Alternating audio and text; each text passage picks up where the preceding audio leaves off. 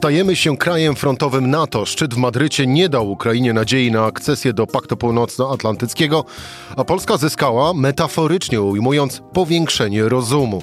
Ale cały czas kłopot jest z mięśniami, czyli żołnierzami i uzbrojeniem, z pomocą których można byłoby stawić czoła Rosji. Rosji, która od wczoraj znów jest oficjalnie wrogiem NATO. Już za chwilę Jędrzej Bielecki. Rzecz w tym, że taki był dzień. Cezary Szymanek, zapraszam na codzienny podcast Rzeczpospolitej.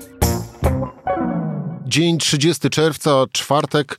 Jędrzej Bielecki, dział zagraniczny Rzeczpospolitej. Jędrzej, dzień dobry. Dzień dobry. Czyli podsumowujemy to, co się wydarzyło w Madrycie, jakie słowa padły i jakie decyzje zostały po, podjęte, ale zacznijmy wpierw od tego ostatniego zdania z wprowadzenia, no bo nazywając rzecz po imieniu, Rosja znów stała się właściwie oficjalnie i publicznie e, tym wrogiem numer jeden dla krajów będących członkami NATO. To jest powrót do czasów zimnej wojny?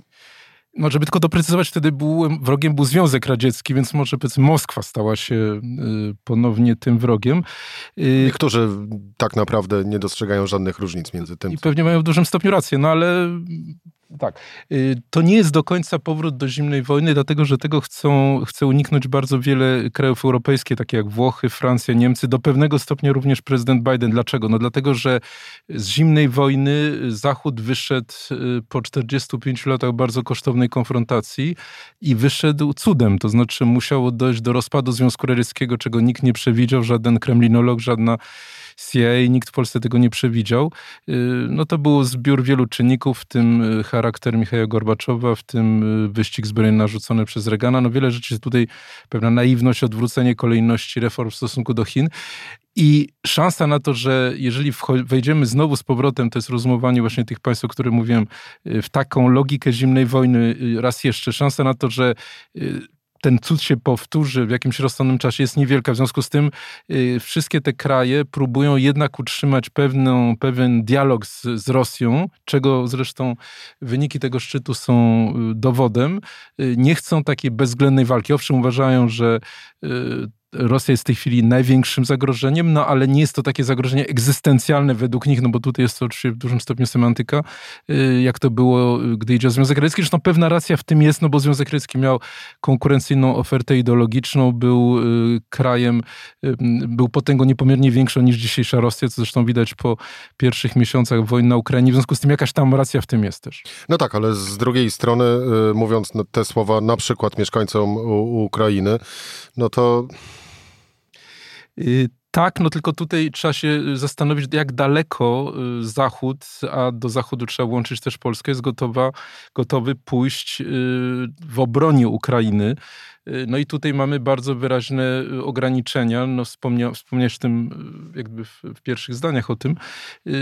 To jest ten ogromny zawód dotyczący przyszłego miejsca Ukrainy w NATO. Nie ma o tym ani jednego słowa, a przypomnę, że wystarczyło chociażby powtórzyć to, co na to powiedział w Bukareszcie w 2008 roku. Y, to był taki kompromis. Nie, nie, nie, nie przyznało y, wtedy y, planu działania na rzecz członkostwa, ale powiedział, że kiedyś owszem Ukraina znajdzie się w sojuszu. Tego nie powtórzono nawet teraz. W związku z tym no to jest jasny sygnał, że jednak ten podstawowy mm, postulat Putina, wstrzymanie poszerzenia NATO na wschód, no co tu dużo mówić, jeśli chodzi o fakty, został uwzględniony i to jest jego wyraźne zwycięstwo. W związku z tym Y, no, los y, Ukraińców cierpiących w Donbasie no, nie jest poza, do pozazdroszczenia. To, jak zresztą nazywasz, jest y, zwycięstwem Putina, czyli brak jasnej deklaracji dotyczącej Ukrainy w gronie państw NATO. No ale ewidentną porażką jest z kolei zgoda sojuszu e, i wycofanie e, weta przez e, Turcję na przyjęcie Finlandii i Szwecji. No to niewątpliwie tutaj tylko zasługa to jest bardziej po stronie Erdogana. No on zaskoczył tą zgodą. Oczywiście kulis do końca nie znamy. Wiemy, że z tureckim prezydentem telefonicznie rozmawiał prezydent Biden. Niemniej zaskoczenie nawet u niego było dosyć duże, bo on się dowiedział o tej wiadomości, kiedy był na przyjęciu u króla Hiszpanii Filipa VI.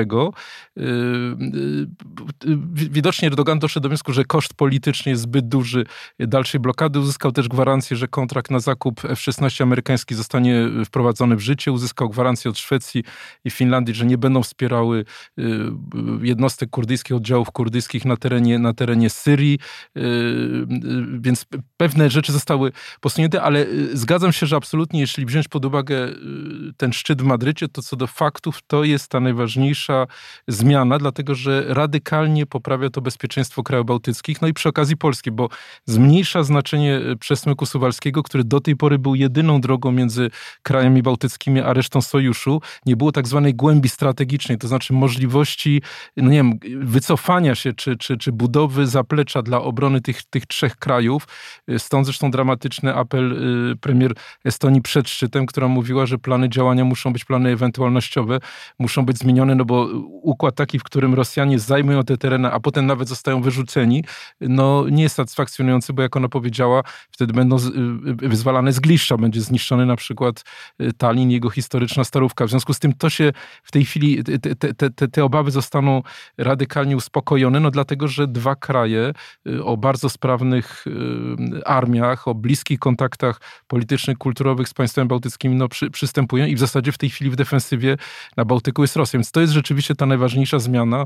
No ale to nie jest decyzja przywódców szczytu, można powiedzieć, tylko niespodziewanie y, korzystny obrót sprawy, że znacznie szybciej to, to, to, to się dzieje niż myślano. Obawiano się, że to może być nawet za rok, kiedy już będą wybory w Turcji.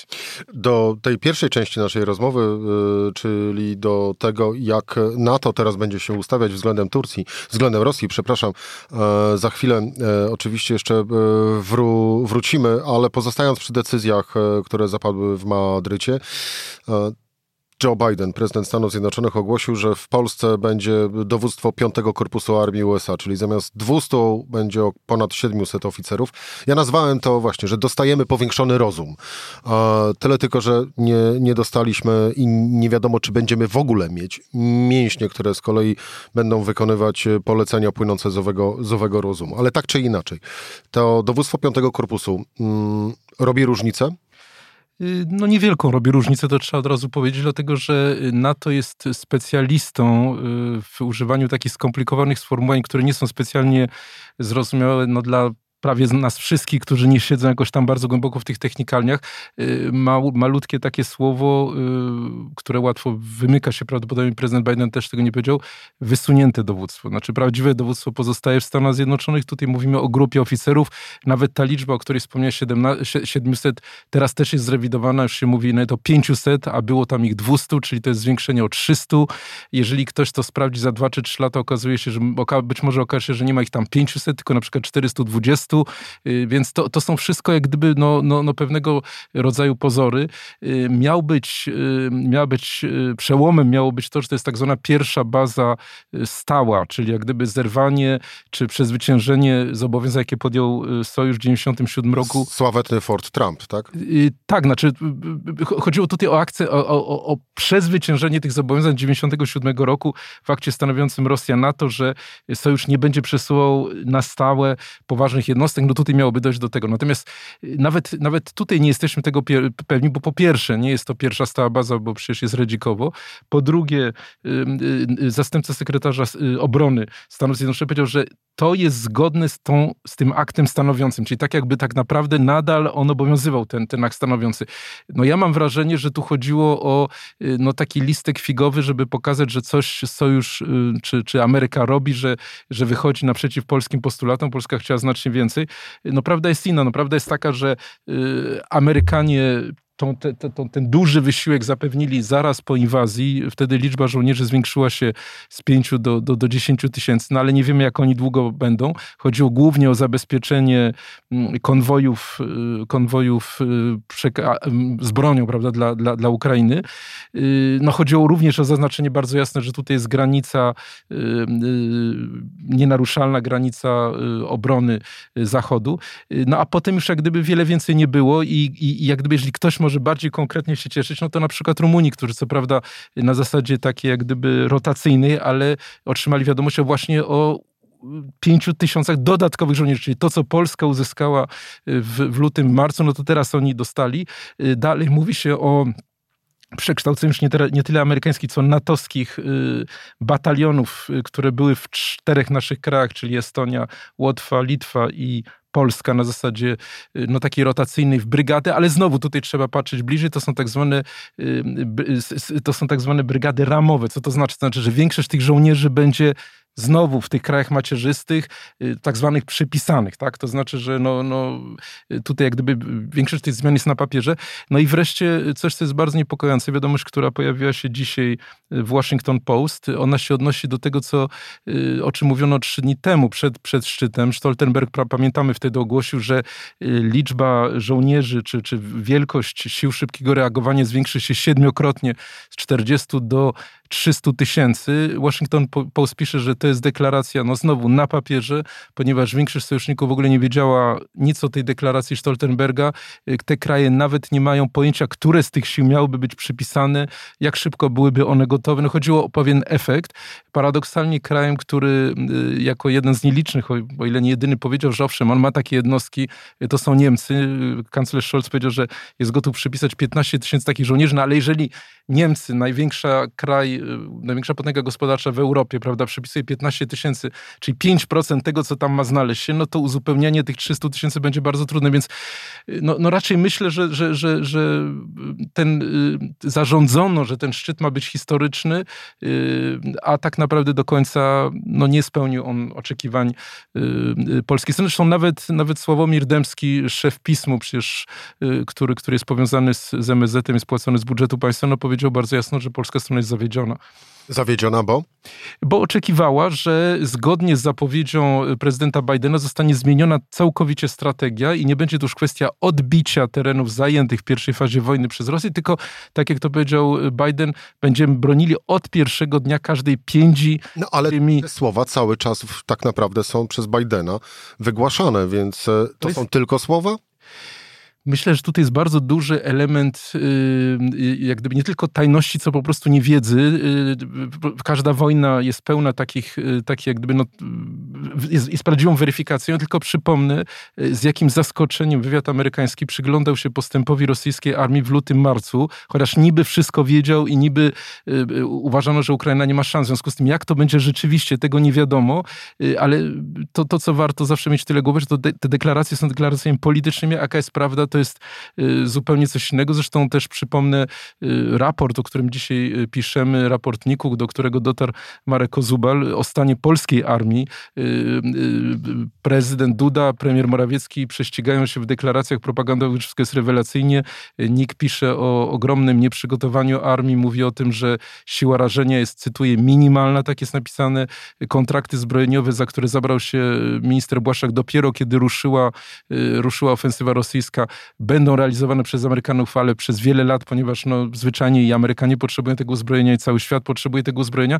Krótko mówiąc, no, polskie władze, które tak chętnie wytykają Niemcom, że dały się zaskoczyć, że doprowadziły Bundeswehrę do, do, do nieużywalności, że, że, nie, że, że nie przewidziały tego ataku, no same tego też nie przewidziały, bo po prostu polska armia jest w fatalnym stanie i dopiero teraz próbuje ten, ten, ten, to, to naprawić. Jest tylko jedna różnica, no Niemcy nie są krajem frontowym, a Polska jest, więc jest bardziej narażona na... Bo e, piszecie rzeczywiście wspólnie e, dziś w Rzeczpospolitej e, wraz z Markiem Kozubalem tekst e, podsumowujący e, zarówno ustalenia e, szczytu NATO w Madrycie, jak i również opisujący dokumenty e, kontrolne Najwyższej Izby Kontroli, do których Marek dotarł, dotyczące stanu naszego, naszej armii, naszego uzbrojenia. I tytułujecie go stajemy się krajem frontowym. Co to znaczy kraj frontowy? No to jest państwo, które tak jak Niemcy w, cza w czasie zimnej wojny jest skazane na yy, jak gdyby przyjęcie pierwszego uderzenia. Znaczy, że nie ma, nie ma y, perspektyw dla Polski, y, żeby ktoś był dalej za nami na wschodzie w ramach Sojuszu Atlantyckiego.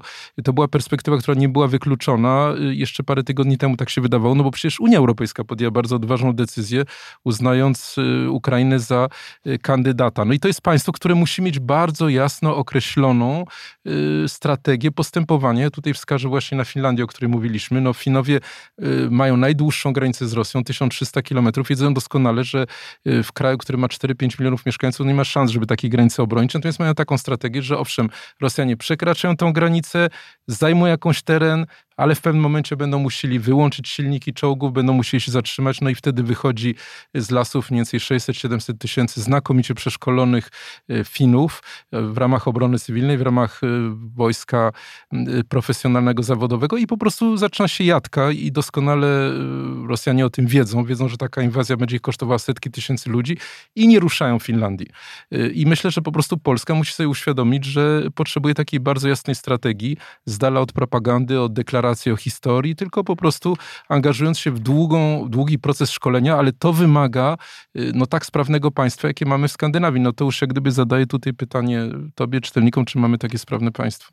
E, odpowiedź, e, a przynajmniej e, odpowiedź dotyczącą tego, jak to obecnie wygląda, jest na stronach rp.pl, tam tekst Marka Kozubala, właśnie opisujący owe dokumenty NIK, do których dotarliśmy. Ja tylko zacytuję fragment tekstu.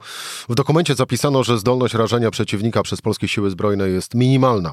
Nie zostało zrealizowanych aż 140 zadań związanych z dostawami sprzętu wojskowego na 3 miliardy złotych. MON jest zmuszony uzupełniać braki w magazynach nie tylko dlatego, że część uzbrojenia przekazał Ukraińcom, ale też dlatego, że ostatnie lata stracił na jałowych yy, analizach. Koniec yy, cytatu. Polecam Marek Kozubal na stronach rp.pl. Jędrzej, a my wróćmy do, do owego początku i do tego e, wątku NATO versus e, Rosja. Bo to nie jest pierwszy raz, kiedy e, pojawia się z kolei hasło kilku krajów, które jednak wolałyby, aby obecna sytuacja jak najszybciej się skończyła. I kto wie, czy nie sankcjonująca obecny y, status, y, status quo, czyli krajów, które raczej wolałyby, żeby świat się z Rosją kumplował, niż aby z nią y, wojował. Niemcy, Francja, Włochy, ale także, zresztą jak sam piszesz, Ameryka. E, to jest tylko i wyłącznie kwestia pieniędzy, czy to jest również kwestia, mm, no właśnie, ludzka? Ideologii, podejścia do świata? Znaczy myślę, że tutaj y, wiele elementów się y, łączy. W Stanach Zjednoczonych y, poparcie dla prezydenta Bidena jest bardzo niskie. Zbliżają się wybory w listopadzie, w których demokraci stracą najprawdopodobniej większość w obu izbach kongresu. Natomiast republikanie, oczywiście nie wszyscy, ale ci związani z Trumpem, no jaka jest ich oferta? No oferta jest jasnego dealu. Oni, przecież Trump mówił, że, że Putin no to jest geniusz to, co on robi. W związku z tym opcja może być znacznie gorsza. Y, to jest jeden czynnik. Drugi to jest to, co się dzieje na linii frontu. Y, Rosjanie zmienili całkowicie strategię, posuwają się w sposób bezwzględny, niszcząc, y, stosują taką taktykę spalonej ziemi w Donbasie, no ale jednak się posuwają i liczba żołnierzy, którzy giną ukraińskiej jest bardzo wysoka, ale także sprzętu, który oni tracą jest większa niż mogą otrzymywać. Innym kolejnym czynnikiem jest to, że kończą się zapasy także w krajach NATO, takie jak Polska, odziedziczone po Związku Radzieckim, a na razie na tym bazuje armia ukraińska i owszem, w, na tym szczycie zdecydowano, że Ukraina przejdzie na zachodnie systemy, no ale to są znowu lata, no to są pewne ograniczenia techniczne, których się nie przeskoczy. Y, wreszcie jest obawa, o tym mówił prezydent Putin w Petersburgu, porównując się do Piotra Wielkiego, że jeżeli teraz nie będzie kompromisu, to, to być może Putin pójdzie jeszcze dalej i na przykład zaatakuje Odessę, czy w ogóle odetnie Ukrainę od morza i wtedy jest pytanie o wiarygodność tego państwa. Y, no ale oczywiście też jest kwestia y, pieniędzy, to znaczy no, inflacja, presja na, na, na na, na eksport żywności, która powoduje, że może, może umrzeć z głodu wiele dziesiątków, setków, setek milionów ludzi. W związku z tym te, te, chmury jak gdyby się tutaj zbierają. Y, kolejna rzecz, no to są oczywiście Chiny, bo y, Amerykanie traci z, wizy, z wizji tego, że to jest jednak ich główny rywal i nie chcą być zbyt wciągnięta wiecznie y, y, w tym regionie. W związku z tym no, narasta poczucie, że trzeba dojść do jakiegoś porozumienia, że trzeba dojść do jakiegoś kompromisu i, no i to po prostu to jest zbieg iluś tam, iluś tam czynników. Ja nie, nie sprowadzał tego tylko do pieniędzy, to jest też pewien po prostu realny realizm. Pytanie, czy y, da się przekonać Ukraińców do jakiegoś kompromisu terytorialnego. Y, tutaj y, nawet takie źródła dyplomatyczne ukraińskie wskazują, że gdyby nawet prezydent Zeleński coś takiego chciał zrobić, to po prostu na to nie pozwoli armia, więc nawet być może jego życie byłoby w takiej sytuacji zagrożone, więc to jest niesłychanie skomplikowana, skomplikowana sytuacja, no ale trudno powiedzieć, żeby ta wojna mogła trwać bez końca. Jakieś, jakaś, jakieś punkt wyjścia musi być. I chyba zresztą nawet ten fakt, że nie odwołano tego aktu stanowiącego z 97 roku jest tego sygnałem, że jednak no, Zachód chce utrzymać y, jakieś tam Y, fora porozumienia z Putinem. No, wielkie pytanie jest następujące. Czy Rosja uzna, że koszt jednak tej całej operacji był tak ogromny, że już tego nie powtórzy, czy też Putin albo jakiś jego następca y, wyciągnie wnioski z tego, jak to wszystko przebiegało i za chwilę, czy znaczy za parę lat, znowu uderzy i znowu... No to jest to wielkie pytanie, które, które mamy. No jeszcze tylko uzupełniając może o jeden czynnik, no przecież, y, tak mówiąc szczerze, to przecież sankcje no nie powiodły się, tak? To znaczy, no nie doprowadziły po pięciu, po 4,5 miesiąca od rozpoczęcia tej operacji, no nie doprowadziły do upadku y, Rosji. A dlaczego nie doprowadziły? No dlatego, że nie udało się Zachodowi y, przekonać y, krajów przede wszystkim południa, Brazylii, Indii, Chin, które niespodziewanie stały się odbiorcami nośników energii. No Rosja zarabia tyle, ile zarabiała. Ceny energii poszły w górę. No i, i i, i jak gdyby no, tutaj, tutaj to ograniczenie istnieje. No i wreszcie y, wrócę do tego, do tego określenia Zachód. No my jesteśmy też częścią tych błędów. Tutaj wspominaliśmy parokrotnie o tym raporcie NIK-u. No przecież Polska też się na to wszystko nie przygotowała, też nie jest w stanie y, dać więcej Ukraińcom, też jest częścią w sensie faktów tych ograniczeń. To nie jest tak, że tylko ten tak zwany w cudzysłowie naiwny, głupi Zachód, który nas nie słuchał, a my wszystko wiedzieliśmy, no bo tak nie jest. Jędrzej Bielecki, dział zagraniczny Rzeczpospolitej. Dziękuję Ci bardzo za rozmowę. Dziękuję bardzo. To była Rzecz w tym w czwartek. Cezary Szymanek. Do usłyszenia po weekendzie.